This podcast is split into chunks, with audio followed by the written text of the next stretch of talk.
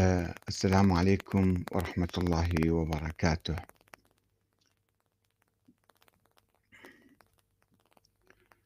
هل أخطأ السيد كمال الحيدري في انتقاد ظاهرة التكفير عند السنة والشيعة؟ وماذا يجب عليه أن يفعل؟ القرآن الكريم يوحدنا وينقذنا من التراث الطائفي المفرق بين المسلمين. يقول الله تعالى في كتابه الكريم: "واعتصموا بحبل الله جميعًا ولا تفرقوا، واذكروا نعمة الله عليكم إذ كنتم أعداء فألف بين قلوبكم، فأصبحتم بنعمته إخوانا، وكنتم على شفا حفرة من النار فأنقذكم منها، كذلك يبين الله لكم آياته لعلكم تهتدون" 103 آل عمران. آه، في الحقيقة رغم هذه الآية وآيات أخرى تقول إن هذه أمتكم أمة واحدة وأنا ربكم فاعبدون أو أنا ربكم فاتقون في آية أخرى. ولكن المسلمين عبر التاريخ تفرقوا ولم يعتصموا بحبل الله. وسبب التفرق يعود بصورة رئيسية إلى القراءات التعسفية لبعض آيات القرآن الكريم. أو النظريات آه، الدخيلة والقراءات طبعا للمفاهيم الإسلامية لمفهوم التوحيد مثلا مفهوما متطرفا ومتعسفا مما يخرج جميع المسلمين من الإسلام من إطار الإسلام كما فعل آه، بعض الناس أو بعض الفرق الإسلامية عبر التاريخ. الوحدة الإسلامية هي هدف جميع المسلمين اليوم. المسلمون يشعرون بأن سبب ضعفهم وهوانهم وتخلفهم وانحطاطهم يعود إلى تمزقهم. المسلمون اليوم 55 دولة ولكنها لا تجتمع على موضوع واحد. ولذلك هناك محاولات من المفكرين المسلمين الإصلاحيين إلى آه، يعني اقتلاع جذور التفرقة بين المسلمين.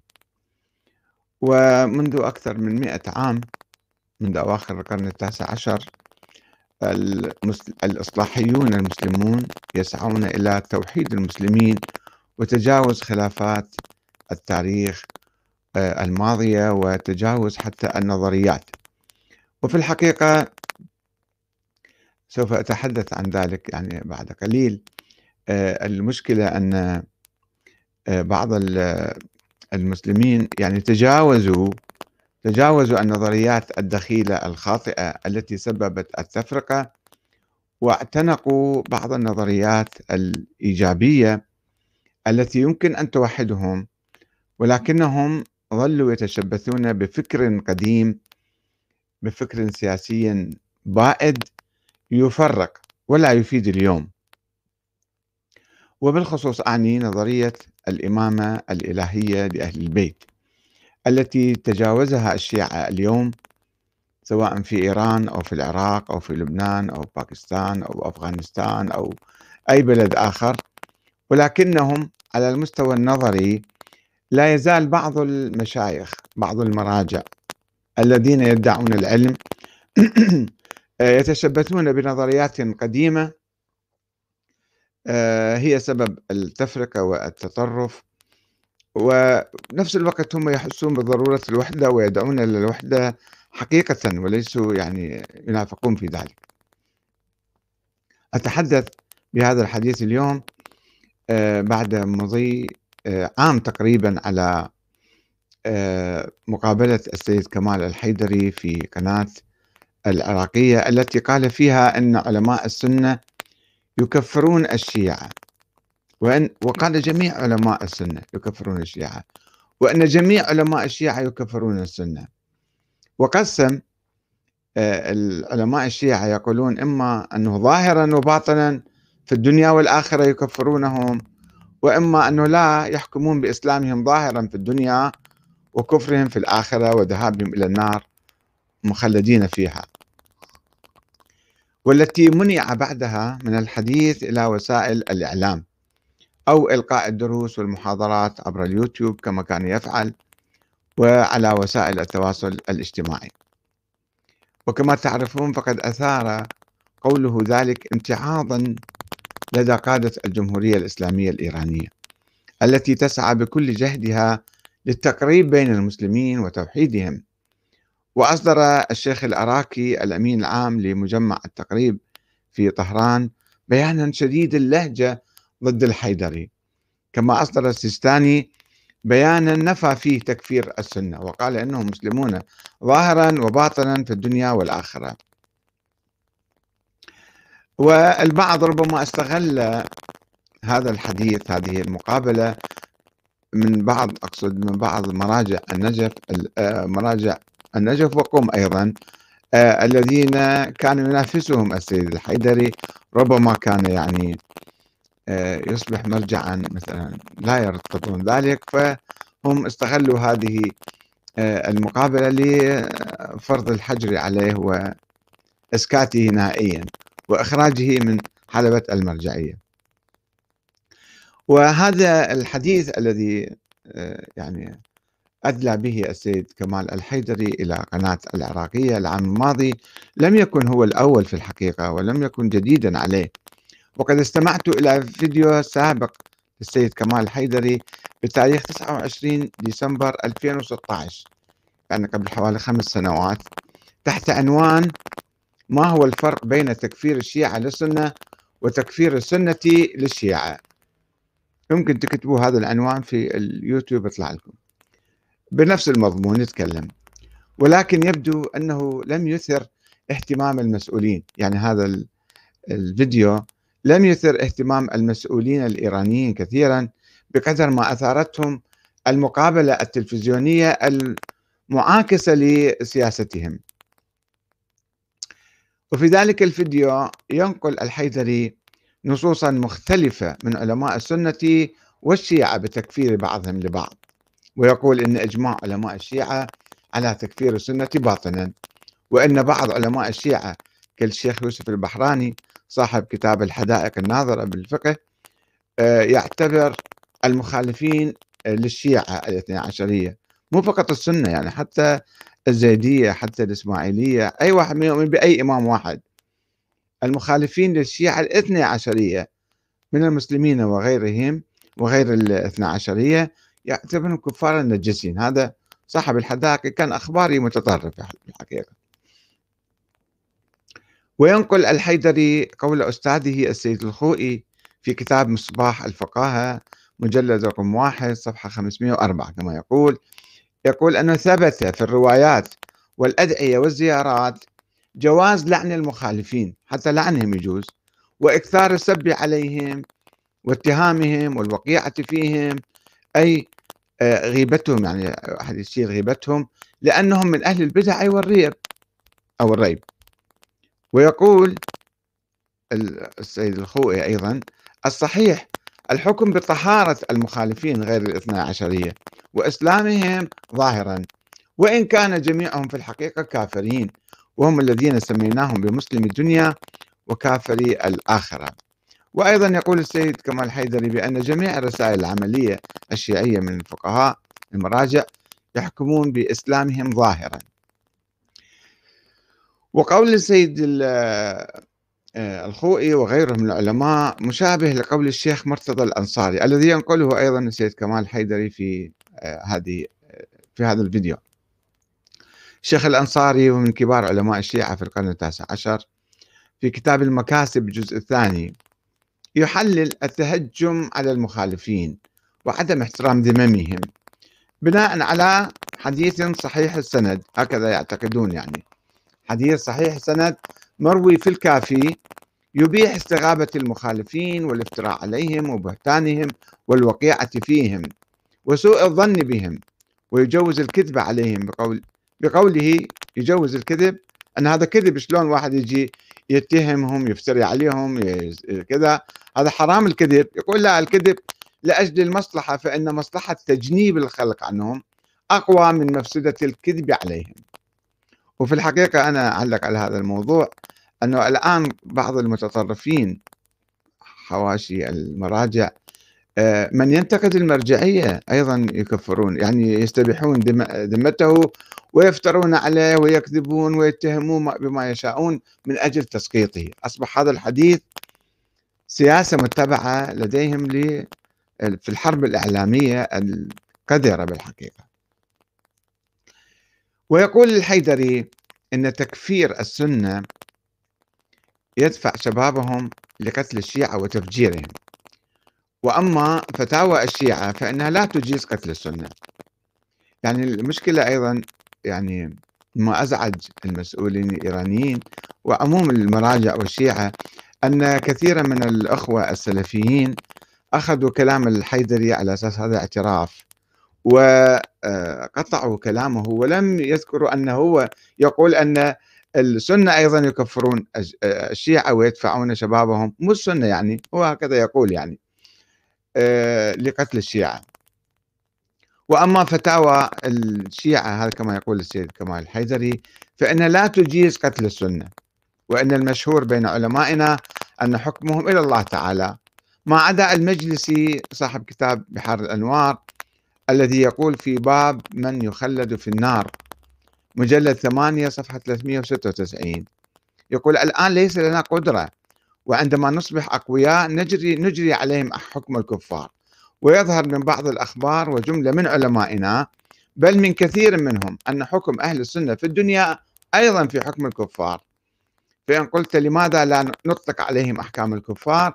قلنا لما لما علم الله أن أئمة الجور وأتباعهم يستولون على الشيعة وهم يبتلون بمعاشرتهم.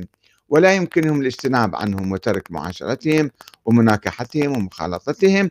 أجرى الله عليهم حكم الإسلام وسعة. فإذا ظهر الإمام المهدي يجري عليهم حكم سائر الكفار في جميع الأمور وفي الآخرة يدخلون النار ماكثين فيها أبدا. طبعا هذا المجلسي كما تعرفون من علماء السلطان من علماء من مشايخ يعني وعاض السلاطين في الدولة الصفوية. الدولة الصفوية كانت معروفة بتكفير السنة واللعن الخلفاء وما إلى ذلك. وواحد أن يتشبث بهذا القول يعني هذا مو صحيح. حصل تطور كثير عند الناس سواء في إيران أو في خارج إيران. ولكن هذا ما ينقله السيد كمال الحيدري عن آه، صاحب بحر الأنوار. وبعد أن يستعرض الحيدري أقوال علماء الشيعة بتكفير أهل السنة إما باطنا وإما باطنا وظاهرا.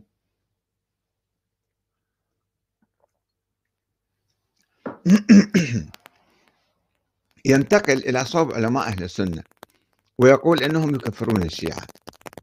وهكذا بصورة مطلقة يتكلم. يقول وإذا وجدت بعضهم ينفي تكفير الشيعة فاعلم أن ذلك منهم إما تقية أو سياسة. وإلا حسب مبانيهم وقواعدهم الفقهية لا يحق الحكم بإسلام من لا يقبل شرعية الخلافة وعدالة وعدالة الصحابة. وهذه ما أعرف من وين جايبة سيد كمال حيدري. وأنهم يعتقدون أن الأمة هم أهل السنة وأن من شذ عن الأمة فإلى النار ويجوز ذبحهم قربة الله تعالى. يعني هذه كلمات بالحقيقة ليست دقيقة. ما أعرف ليش السيد كمال حيدري هو هو عالم محقق وباحث و... أنه أحيانا ينقل يعني آراء هذه تثير الفتنة. يعني عندما يعتقد الشيعة عندما يصدق الشيعة كما سيد كمال حيدري بأنه السنة يكفرون الشيعة. هذه ليست ليست حقيقة يعني وليس صحيحا ذلك. يعني آه، ربما يخرجوهم من أهل السنة وحتى داخل أهل السنة هناك أهل الحديث يعتقدون هم أهل الفرقة الناجية. الأشاعرة يعتقدون هم الفرقة الناجية المعتزلة كذا. يعني لا يجوز إحنا نتشبث على نتمسك ببعض الكلمات وبلوازمها نروح إلى نستنتج لوازم منها ونقول أنهم ذولا إذا يكفرون آه، الشيعة دائما هذا غير صحيح. ثم ينقل الحيدري كلام المتطرف الشيخ ابن تيمية كما تعرفون في كتابه الصارم المسلول جزء ثلاثة صفحة 1110 يقول قال علي قال رسول الله هذا كلام آه، ابن تيمية في كتاب الصارم المسلول يقول قال علي قال رسول الله صلى الله عليه وسلم ألا أدلك على عمل إذا عملته كنت من أهل الجنة؟ إنه سيكون بعدنا قوم يكون لهم نبز يقال لهم الرافضة فإذا أدركتموهم فاقتلوهم فإنهم مشركون. إلى أن يقول ومن يشك في كفر هؤلاء فإنه كافر. طبعا هذا الكلام من ابن تيمية أيضا كلام مع الأسف الشديد ليس دقيقا يعني كلام حشوي يعني بالحقيقة. يعني أولا المحقق على كتابه كما ينقل السيد كمال يقول هذا حديث يعني مجهول ما بي سند حديث ضعيف حديث آه، كذا. ولكن ابن تيمية كان عنده في أجواء حربية يبدو عليه وكان يريد يحشد يعني يكفر بالجملة. من هم الرافضة؟ ما هي صفتهم مثلا؟ على ماذا يعني إذا كان الناس يصلون ويصومون؟ افترضوا مثلا الرافضة ما يؤمنون بخلافة أبي بكر وعمر. طب هذا ما يصير كفر يعني. فابن تيمية هكذا يعتقد وهكذا يحاول أن يروج ويشحن الناس. مع الأسف ثقافته موجودة حتى اليوم عند قطاع كبير من الناس. اللي يأخذون. وأيضا السيد كمال حيدر يقول وهذا ما أكدته فتاوى اللجنة الدائمة للبحوث العلمية والإفتاء في السعودية. مجلد 2 صفحة 376 مسألة 9247 يقول واحد يسأل يسأل هؤلاء ما حكم أوامر الروافض الإمامية الاثنى عشرية؟ هنا يحدد. وهل هناك فرق بين أي فرقة من الفرق الخارجة عن الملة؟ وأتباعها من حيث التكفير والتفسيق. فالجواب من شايع أحدا من أئمة الكفر والضلال وانتصر لسادتهم وكبرائهم يعني أيد الخميني مثلا حكم بكفرهم كفرا وفسقا. وغير ذلك يجيبون أدلة وغير ذلك في الكتاب والسنة كثير ولأن النبي قاتل رؤساء المشركين وأتباعهم وبالله التوفيق. وموقع على هاي الفتوى عبد العزيز بن باز وعبد الرزاق عفيفي وعبد الله بن غديان وعبد الله بن قعود من كبار ما يسمى بكبار العلماء في السعودية. هذا ما قاله الحيدري في محاضرته قبل خمس سنوات. ودعا يعني فصل بشكل مفصل ما قاله مختصرا مع في مقابلة العراقية. ودعا خلالها إلى هو في الحقيقة يعني ما كان فرحان ومستانس لهالأقوال وإنما دعا خلال المحاضرة مالته إلى معالجة ظاهرة التكفير من جذورها الأصولية وعدم الاقتصار على حلها سياسيا واجتماعيا كما قال ولم يكن قصده بالطبع فضح السنة والشيعة فقط. ولكن يعني طريقة طرح السيد كمال حيدري كانت شوية يعني آه، غير دقيقة بالحقيقة. في نظري أنه أخطأ في مرتين. الأول في تضخيم ظاهرة التكفير بين السنة والشيعة. يعني في كلام في أحاديث في أقوال بالتاريخ أقوال ميتة. من نجي إحنا أو حتى في بطون الكتب أو عند بعض المشايخ. ولكن عامة الشيعة لا يكفرون السنة وعامة السنة لا يكفرون الشيعة. يتزاوجون يعملون يدرسون مع بعض ومختلطين مع بعض. فإثارة القضية بهذه الصورة أن إجماع علماء السنة على تكفير الشيعة وإجماع علماء الشيعة على تكفير السنة هذه يعني يعني يعني زرع العداء والبغضاء بين المسلمين يصير فإذا أخطأ في الحقيقة في تضخيم ظاهرة التكفير وادعاء الإجماع عليها بين علماء السنة والشيعة مع أنها في الحقيقة موجودة لدى بعض العلماء المتطرفين وفي ظروف وأزمان خاصة كأيام الفتن والصراعات السياسية العنيفة كما حدث أيام الصراع بين العثمانيين والصفويين اللي كانت بيناتهم حروب. وفي فترات خاصة عند إنشاء الدولة السعودية الوهابية أيضا كان في تكفير ليس للشيعة فقط وإنما لعامة المسلمين. ولم ينقل الحيدري أقوال علماء سنة آخرين غير قول ابن تيمية وابن آه، باز وكذا وبنى قوله بتكفير أهل السنة للشيعة على قول بعض السنة بكفر من لا يؤمن بشرعية الخلافة. وهذا قول غريب جدا فإن أهل السنة لا يكفرون من لا يؤمن بشرعية الخلافة أو أو الخلفاء الراشدين. وإنما يقولون بإخراجه من دائرة أهل السنة فقط. أنا هذا ليس سنيا. يعرفون السني من يقول بخلافة مثلا الشيخين أو الخلفاء الأربعة. فما أعرف من وين جاب الاستنتاج آه، من لوازم الكلام هذا أنه يكفرون الشيعة بصورة عامة. هذا خطأ كبير بالحقيقة. ثانيا أخطأ الحيدري في نسبة التكفير للسنة من الشيعة. الشيعة يكفرون السنة يعني. استنادا لقول شاذ هو قول صاحب الحدائق الأخباري يوسف البحراني أو قول الأخبار الآخر المجلسي صاحب البحار. يعني التكفير في في في الدنيا. وإذا كان هناك قول لبعض متطرفي الشيعة الإمامية الاثنى عشرية بتكفير أهل السنة باطنا والقول بدخولهم في النار فإن ذلك يعود إلى بعض الأحاديث التي يعتبرونها صحيحة بين قوسين وهي مروية عن الإمامين الباقر والصادق مثلا أنا أقرأ لكم بعض الروايات وقد ذكرت ذلك وبحثت ذلك في كتابي التشيع السياسي والتشيع الديني وأيضا في كتابي آه، لماذا تفرق المسلمون؟ الحقيقة والوهم في الخلافة الطائفي. هاي نظرية الإمامة. فقد روى الكليني أحاديث عن الصادق يربط فيها بين التوحيد والنبوة والإمامة. يعني هذا مرتبة واحدة. توحد الله تؤمن بالنبي تؤمن بالإمام. إذا أنت خليت جزء من هالمقولة أنت تخرج عن الإسلام. ويشبه آه، طاعة الله وطاعة آه، بطاعة الأئمة. ويبين معصية إبليس لله ومعصية الناس أو بين معصية الله ومعصية آه، الناس للإمام. إذا الإمام الناس عصوا الإمام المعين من قبل الله فكأنهم عصوا كأنما مثل إبليس اللي عصى الله تعالى. ويقول الإمام الصادق في الحديث المروي في الكافي يعني إن الله افترض على أمة محمد صلى الله عليه وسلم خمس فرائض الصلاة والزكاة والصيام والحج وولايتنا. فرخص لهم في أشياء من الفرائض الأربعة ولم يرخص لأحد من المسلمين في ترك ولايتنا. لا والله ما فيها رخصة. ويعتبر تولي غير الأئمة نوعا من الإلحاد في الدين. إذا واحد تولى غير ذول الأئمة. ويقرأ قوله تعالى سأل سائل بعذاب واقع للكافرين ليس له دافع مع إضافة كلمة بولاية علي. سأل سائل بعذاب واقع للكافرين بولاية علي آه، ليس له دافع. ثم يقول هكذا والله نزل بها جبرائيل على محمد صلى الله عليه وسلم.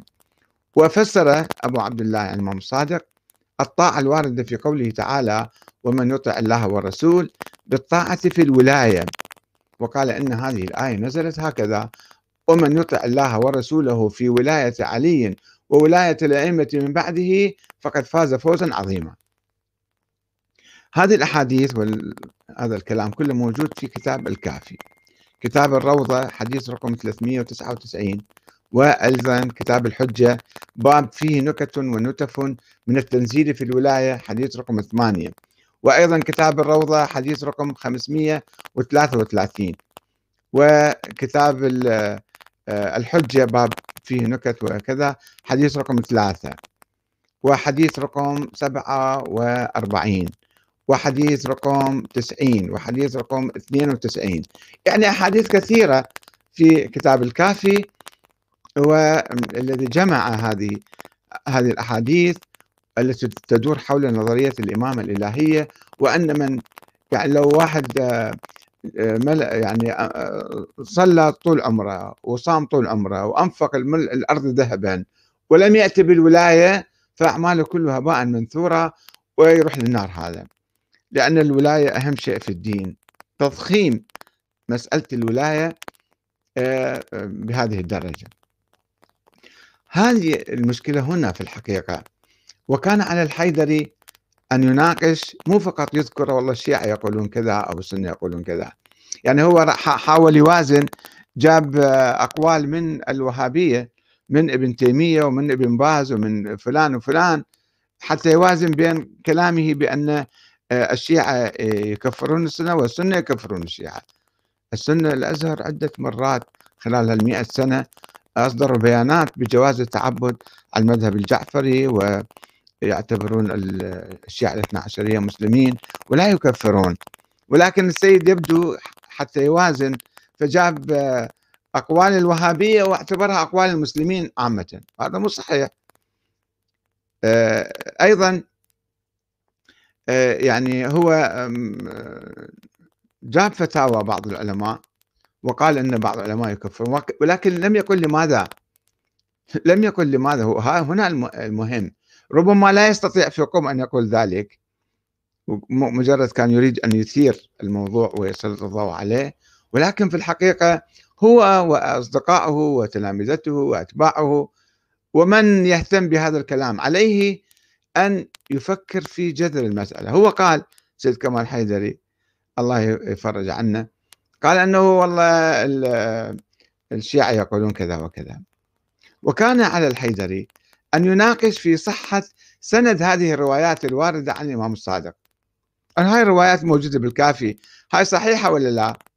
هو يقول لأنه الشيعة يعتبروها صحيحة. كل الروايات كثيرة من الروايات يعتبروها صحيحة وهي ليست صحيحة بالحقيقة.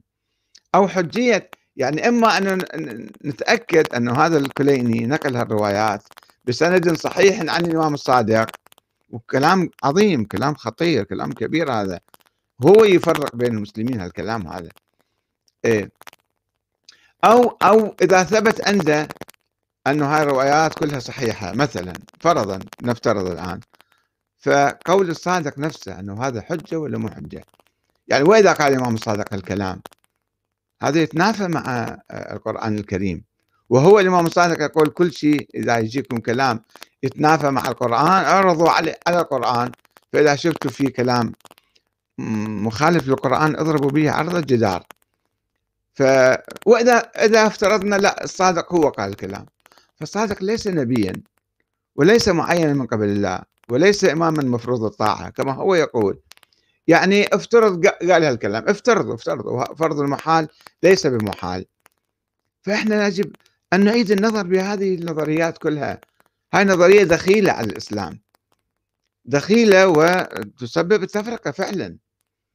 حتى نقتلع جذر التكفير من الشيعة. من علماء ليس من عامة الشيعة إنما من بعض المشايخ والمراجع والدولة اللي مصدقين بهالروايات وبالتالي في واقعين في حرج من ناحية يدعون إلى الوحدة سواء الإيرانيين المسؤولين الإيرانيين أو المراجع أو السيستاني أو غيره يدعون إلى الوحدة الإسلامية. ولكن في نفس الوقت لا يدرون ماذا يفعلون تجاه هذه. نحتاج إلى ثورة. ثورة فكرية وفقهية لمراجعة الأحاديث ومراجعة كتاب الكافي ومراجعة نظرية الإمامة. حيث لا يكفي أن تقول مثلا أن الشيعة يكفرون وتهمل الإشارة إلى مصدر ذلك التكفير الذي يبتنى على نظرية الإمامة الإلهية أو الولاية تضخيم الولاية إلى درجة فوق أركان الإسلام كالصلاة والصوم والزكاة والحج. وكان الأجدر بالسيد كمال الحيدري أن يعالج هذا الجذر بالعودة للقرآن الكريم الذي يحكم بإسلام من يتشهد الشهادتين ويأتي بلوازمهما ولا يتحدث عن الولاية ولا عن الخلافة. إذا إذا كان السنة مثلا يعتقدون أن الخلافة مثلا من بها يصير كافر القرآن ما يتحدث لا عن الخلافة ولا عن الإمامة. وعليه دراسة نظرية الإمامة دراسة علمية على ضوء القرآن الكريم. والسنة النبوية والعقل والواقع أي نظرية بائدة منقرضة لا وجود لها اليوم. ولكن إحنا متشبثين بها أو البعض يعني متشبث بها وتفرز آه، مشاكل تفرز مشاكل للشيعة اليوم. وعليه أن يرفض تأويل القرآن والاعتماد على الأحاديث الموضوعة.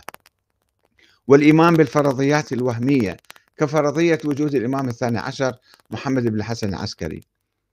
هاي الفرضية التي تقوم عليها نظرية الاثنى عشرية.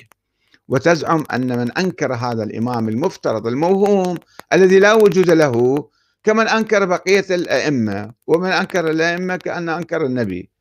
هذه تداعيات يعني شوفوا شلون نقع في المشكلة. يعني يعني هنا هنا المشكلة. وعلى أي حال وإذا كان الحيدري قد أخطأ بتضخيم دعوى التكفير لدى السنة والشيعة ضد بعضهم البعض. فإنه لا يستحق الحجر أو كتمان الصوت ومنعه من التدريس والتواصل مع وسائل الإعلام. وإذا كان الإيرانيون قد أزعجهم كلام الحيدري فإن عليهم الاستماع إلى خلاصة كلامه. الإيرانيين وغير الإيرانيين من الشيعة الذين انزعجوا وقال هذا الحيدر أثار فتنة مثلا كما كتب بعض الأخوان. آه، فإن عليهم الاستماع إلى خلاصة كلامه الداعي إلى معالجة ظاهرة التكفير بمعالجة جذورها وجذورها أين تكمن؟ بصراحة أقول لكم في نظرية الإمامة الوهمية المثالية الخيالية الوهمية التي لم يتبنها أهل البيت أنفسهم ظاهر لو نقرأ تاريخ أهل البيت الإمام الصادق والإمام الباقر وبقية الأئمة سيرتهم العامة وظاهرهم لم يكونوا يدعون ولا يؤمنون بنظرية الإمامة إنما كانت هذه الأحاديث تنسب إليهم سرا. راجعوا أنتم الكتب وشوفوا. تنسب إليهم سرا ليس كما هم في الظاهر يعني هم كانوا يبايعون خلفاء زمانهم ولا يدعون إلى الثورة حتى. لكن هذه الروايات جمعت بعد بعد رحيلهم بقرن اجى الشيخ الكليني وجمعها وبعدين أيام البويهيين صارت الفرقة الاثني عشرية أو الفرقة البويهيه أسميها أنا. فهنا آه، اذا تسمحوا لي يبدو في مداخلات كثيرة من الأخوة. أنا آه، يعني آه، أحاول أن أخذ بعض المداخلات وهي ما شاء الله كثيرة جدا.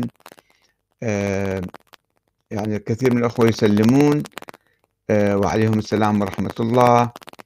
آه، آه، هذا واحد يقول هو يبدو جماعة متطرفين يسمي نفسه لا إله إلا الله. يقول البكرية يكفرون من من أنكر إمامة أبي بكر وعمر وعثمان. وين منين جبت الكلام يا أخي العزيز؟ هذا كلام جماعة هذول الفتنويين في لندن. الأخوة آه، يعني نعم.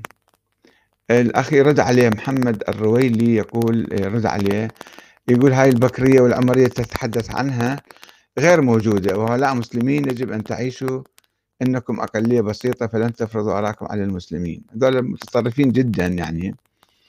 آه محمد الرويلي يقول اتركوا اللعنة والسب. وهذه من إفرازات من إفرازات نظرية الإمامة بالحقيقة. آه أيضا يقول الأخ آه يا الله الأفضل أن تتفقوا أنتم الشيعة اولا ثم تطرح التقارب بين الشيعة والسنة. الشيعة ليسوا حزبا يا أخي العزيز حتى يتفقوا. الشيعة جماهير أمة إسلامية فيها تيارات مختلفة فيها أقوال كثيرة. فالمهم آه، أي واحد هو حر بأن يقرأ التاريخ أو الإسلام أو التشيع كما يرى وحسب الأدلة والبراهين. آه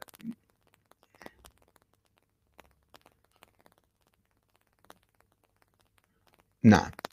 الأخ آه، حسام شافي. يقول أستاذ أحمد أسألك سؤال بريء أقسم بالله ليطمئن قلبي بكلامي هل ما تقدمه من محتوى هو لوجه الله تعالى أم لديك أجندة وأهداف ببالك؟ أقسم بالله سؤالي بريء واستبياني وليس من باب النقد عليك. يعني مثل ما ترى أنت يعني استمع إلي واستمع إلى محاضراتي وشوف أنا ماذا أهدف أنا أهدف إلى توحيد المسلمين وإزالة العداوة والبغضاء والتفرقة من بينهم وإشاعة المحبة والأخوة والمودة والسلام والحرية وتحرير الناس و يعني تجاوز هذا التاريخ المعقد والمليء بالنظريات الدخيلة والقراءات المتطرفة للإسلام. آه الأخ هنا آه 7 كذا يقول كان الحيدري رائعا حين بين بأن الإمامية مجمعون على تكفير مخالفين. في الآخرة والخلاف بينهم فقط في التكفير في الدنيا. جاري الاستماع آه، كذا الذي يعني ليس الإمامية وإنما مشايخ فرق كبير بين ما يسمى الآن. طبعا الآن أنا في نظري لا يوجد شيعة إمامية. الآن يسمون مسلمون ديمقراطيون يؤمنون بالجمهورية وبالدستور وبالانتخابات. فهاي نظرية مناقضة لنظرية الإمامة مئة بالمئة. هاي نظرية يعني الشيعة أصبحوا مثل بقية المسلمين السنة اللي يؤمنون بالشورى. الآن الشيعة يؤمنون بالشورى. فهاي نظريات قديمة موجودة بالكتب تنعكس على بعض المتصدين والمتصدرين لقيادة الشيعة يسموهم مراجع وهم أفكارهم محشوة بهذا التراث البائد القديم وقد يخرج أيضا في شكل فتاوى من هنا وهناك. فتاوى أيضا تثير التفرقة وتستفز بقية المسلمين وحتى الشيعة. آه يقول الأخ هذا آه يا الله المتعصبين من السنة لا يبادروا بالتقرب إلى الشيعة لزعمهم بأننا مشركين. هذه يعني هذا أنت تقول متعصبين ومتطرفين أنت شو خصنا فيهم؟ وهم قلة في كل مجتمع. آه يعني هسه الآن من سب من ابتدأ من, من كذا هذه جدل عقيم هذا بالحقيقة. آه نعم خالد العساف يقول الخلافة راح دورها والأئمة أيضا راح دورها وين تسولفون فعلا. يعني هذه قضايا مخلفات النظريات السابقة والدخيلة آه الأخ يقول شجاع الإبراهيمي أستاذ كمال آه كمال الحيدري أكثر كلامه تقية لتلميع مذهب الاثنى عشرية. لا في الحقيقة ليس تقية هو جريء وهو يخطو إلى الأمام وهو ينتقد. في الحقيقة هو كان سابقا. يعني مثلا تسمع له الآن في اليوتيوب عنده مئات أو آلاف يمكن فيديوهات حول الإمامة والتنظير للإمامة والإمامة من إثبات الأئمة الاثنى عشر من القرآن ثم يروح بالحديث ثم يعني هذه مراحل سابقة وهو يتطور الآن. يتطور ويتغير ويعني يحاول يعني يحس ويشعر ببعض المشاكل الموجودة آه، ويحاول تجاوزها ونقدها ومنها نقد ظاهرة التكفير عند السنة والشيعة آه، آه، محمد الرويلي يقول اتركوا السب واللعن والتسقيط والتفسيق حرام عليكم. طبعا هذا لازم حتى نتحد المسلمين يجب أن نحترم ذممهم وحتى غير المسلمين في الحقيقة. لا يجوز الكذب عليهم أو سبهم أو شتمهم. هذا ليس من أخلاق الإسلام. آه.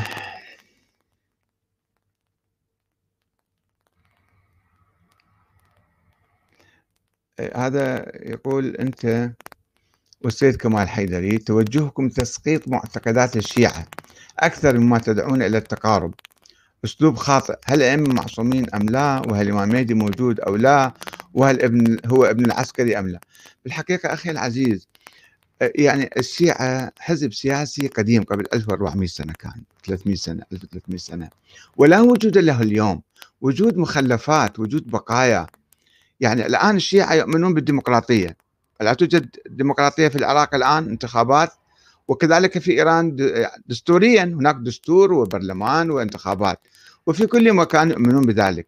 فهناك تجاوز للتاريخ هذا التاريخ قديم ونظريات بائدة ومنقرضة ولكن باقي بالكتب وبعض المشايخ اللي ما عندهم شغل وعمل يقعدون يقرون هالأشياء أو حتى ما يقروها يتوارثوها تقليدا وما يدرسوها. لو درسوها في الحوزة المشكلة عندنا في الحوزة لا يدرسون هذه الأمور. دراسة دقيقة ودراسة بحثية. ومسلمات يعتبروها. هاي مسلمات وبديهيات وضروريات وأشياء واضحات. بعد ما يحتاج كما قال السيد محمد الصدر رحمة الله عليه في بداية مقدمة كتابه الغيبة الكبرى والصغرى. قال هذه أنا أجيب فقط أجيب الأحاديث من دون ما أبحثها ما يحتاج أبحثها لأنها واضحات ومسلمات وبديهيات. هنا المشكلة المشكلة انه الناس يعتقدون انه هذه أشياء بديهية وهذه أشياء ثابتة ومسلمة. لا. المجتهد الحقيقي هو الذي يعيد النظر في كل ما يسمى بالمسلمات. لا يعني يؤمن بمسلمة تقليدا أعمى وبالتالي يبني عليها.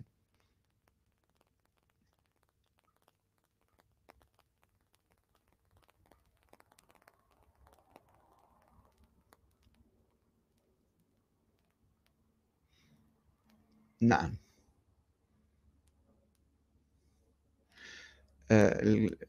في مداخلات كثيرة في الحقيقة وأنا أشكر الأخوة المتداخلين ولكن لا أنا متقيد بوقت لا أريد أن أتجاوز الساعة ولكن آه، لذلك لا أستطيع أن أقرأ كله بعض المداخلات شوية عنيفة أو سلبية أو آه نعم.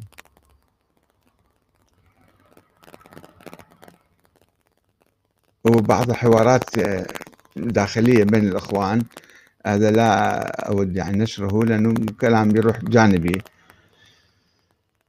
نعم.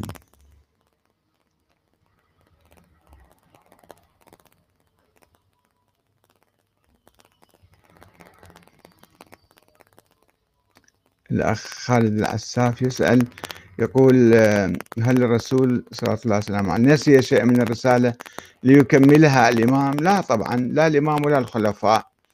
المسألة الحكم كان لمن؟ الحكم. الحكم للأمويين أو العباسيين أو للعلويين أو للحسنيين أو للحسين الصراع كان حول السلطة.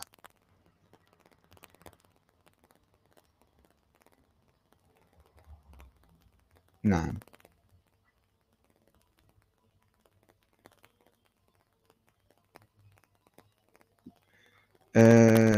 عصر التنوير أنا قد أنا قدري ما رأيك بالقدرية؟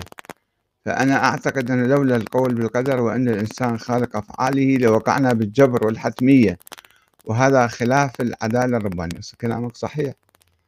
هذا لا يقول بالجبرية إلا المتطرفين من المرجئة كانوا يقولون ذلك. آه نعم أعتقد آه نكتفي بهذا القدر. آه وأشكركم وأشكر مشاركتكم وإن شاء الله آه، نحن على موعد بصورة مستمرة في آه، اللقاءات المباشرة وأنا اليوم اكتفيت يعني وحدي آه، واجهتكم وإن شاء الله في الحلقات القادمة أحاول أن أتي بنظريات يعني بأشخاص مختلفين وب يعني وجهات نظر أيضا مختلفة ونناقشها. والسلام عليكم ورحمة الله وبركاته.